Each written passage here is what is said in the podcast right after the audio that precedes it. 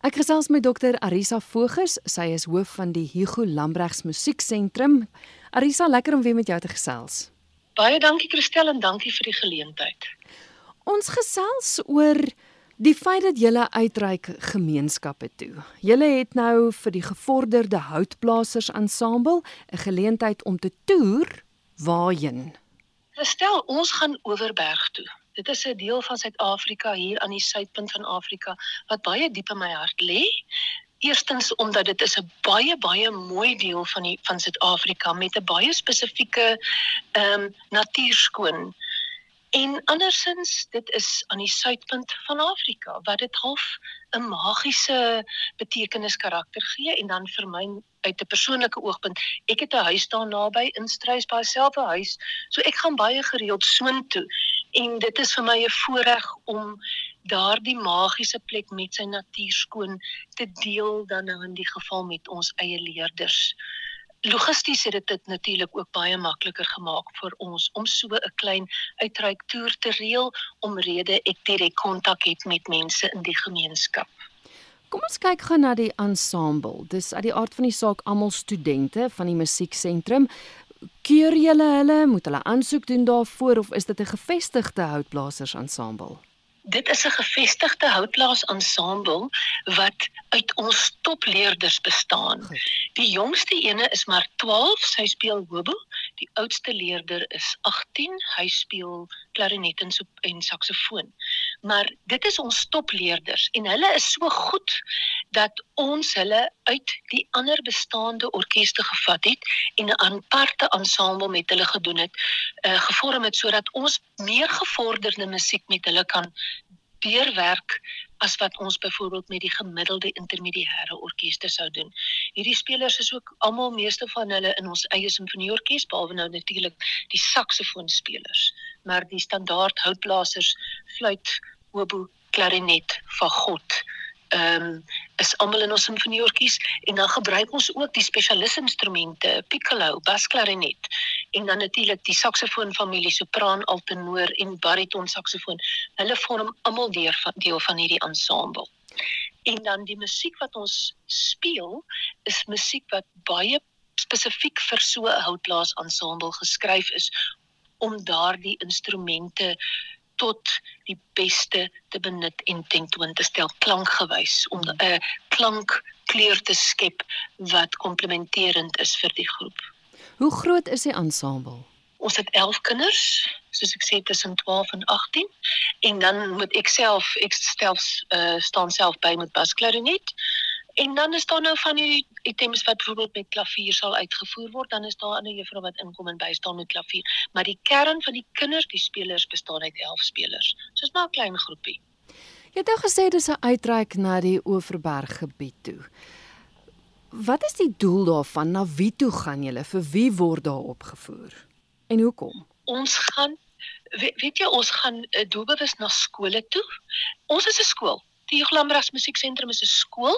Ons is 'n skool van die Weskaap Onderwysdepartement. Dit is die enigste onderwysdepartement in Suid-Afrika wat nog musieksentrums het. So, ek het eerstens begin met skole en ek het doelbewus deur die Oeverberg onderwysstreek skole genader. So, ons gaan een konsert by Oeverberg Hoërskool in Kalinon gee. So dit is is dis 'n konsert wat ons vir die kinders by die skool gaan gee in skooltyd 10:00 die Vrydagoggend. Ons gaan hulle 'n bietjie vertel oor die instrumente van die orkes en net bietjie leer speel dat hulle iets kan leer van musiek want die meeste van daardie skole het nie toegang tot musiek en musiekonderrig nie. So dit is 'n uitreik na skole toe. Ons gee nog 'n konsert by 'n skool by 'n nuwe privaat skool in 'n klein dorpie met die naam Klipduil. Ek was nog nie eers daar nie. Ek sien baie uit daarna om te gaan kyk hoe lyk dit op Klipduil. Maar daar tree ons op die maandagooggend weer in skooltyd by Bruin Women's College. Die ander konserte is uitreikkonserte wat ons direk by kerke doen. So jou kerkgemeenskap, meeste van hulle sluit maar in jou ouer mense. Ek dink baie van die klein dorpies in die Oeverberg word maar bewoon deur mense wat aftree. Daar's 'n redelike beweging suid. So die kerkkonserte Hermanus is 'n Vrydagmiddag is vir die ou mense op die dorp En toe sê ek ons maak dit 'n gratis konsert. Ons wil net vir hulle kom speel in die kerk kan vir die ou vir die mense koek en tee gee. Ons doen dieselfde by Napier die Saterdag aand. Ons doen dieselfde by Struisbaai die Sondagoggend, maar dan het ons 'n baie interessante konsert die Saterdagmiddag 2:00 die middag op Elim. Elim is hierdie pragtige dorpie in die Oeverberg wat 'n ou Morawiese sendingstasie is met die ongelooflikste geskiedenis daaraan verbonde. So ons gaan die hele Saterdagoggend op Elim spandeer um, om 'n bietjie van die geskiedenis van die dorp te leer en dan 2:00 die son die Saterdagmiddag doen ons 'n konsert saam met hulle, saam met van hulle plaaslike musisië wat 'n fondsinsameling is vir die uh, gemeenskap vir hulle studente wat gaan stu so studente fonds studente wat gaan studeer om hulle net te help om hulle studente fooie te betaal. So die doel van hierdie toer was om uit te reik in gemeenskappe in waar daar oor die algemeen nie toegang is tot konserte of musiekonderrig nie en waar mense uitgehonger is vir so 'n tipe van aktiwiteit. Die kon die tye wat ons konsert gee voor die vroeg in die aand, 6 uur in die aand, 11 uur, 11 uur in die oggend, 3 uur op 'n Vrydagmiddag mm. is juis so gekies om toeganklik te wees vir mense wat nie meer in die aand wil laat uitgaan nie, wat eerder vroeër by die huis wil wees. Luisteraars het dalk nie nou kon neerskryf presies waar wanneer jy is nie. Hoe gaan kyk hulle om te sien waar die konserte is en en hoe hulle daarbey kan uitkom? Ehm um, weet jy hulle kan maar direk vir my kontak by by die Hugo Lambrechts Musieksentrum wat die maklikste is ehm um, ons is in die Kaap maar die uh, inligting is hier. So ons telefoonnommer by die werk is 021 939 9105 of hulle kan ons e-pos ehm um, dit is info by hugolambrechts.co.za of hulle kan bloot net 'n WhatsApp stuur vir my sommer by die by die werk op my foon. My eie foonnommer is 083 270 2983 of na ons webblad toe gaan of na ons Facebookblad toe gaan, daar's soveel maniere wat 'n mens vandag kan inligting kry. Maar ek is ook besig om al die plaaslike media te kontak en ek sal met die plaaslike radio en dan die plaaslike koerante ook direk die inligting stuur en dan die skole en die kerke met wie ek skakel. Hulle doen ook hulle eie bemarking, so hulle sal natuurlik hulle eie roetes volg om die inligting spesifiek by hulle skoolleerders, ouers, gemeentelede ensovoorts uit te kry. Nou hierdie is nou 'n manier hoe julle uitgaan na die gemeenskap toe, maar julle het ook nou met 'n projek begin waar julle die gemeenskap naby aan julle ook 'n diens voorlewer. En ek het 'n baie sagte plek vir vir die blinde gemeenskap en die siggestremde gemeenskap. En dis ook 'n projek waarmee julle begin het juis om aan daai leerders 'n geleentheid te gee. Vertel my gou daarvan. Jy stel Ek is genader so 'n paar weke terug deur een van ons lynbestuurders om hierdie projek te loods. Weet jy, en ek was bang. Ek is eerlik met jou, ek was bang. Mens weet nie waar om te begin nie. Ek moes na my kollegas toe gaan, onderwysers toe en ek moes vir hulle sê, ons gaan dit doen, ons gaan dit probeer.